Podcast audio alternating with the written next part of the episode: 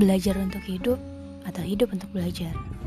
Sekarang setiap minggunya si pembelajar bakal ngasih sesuatu nih buat kamu. Iya, kamu yang mau belajar dan berproses. Yuk sama-sama kita belajar.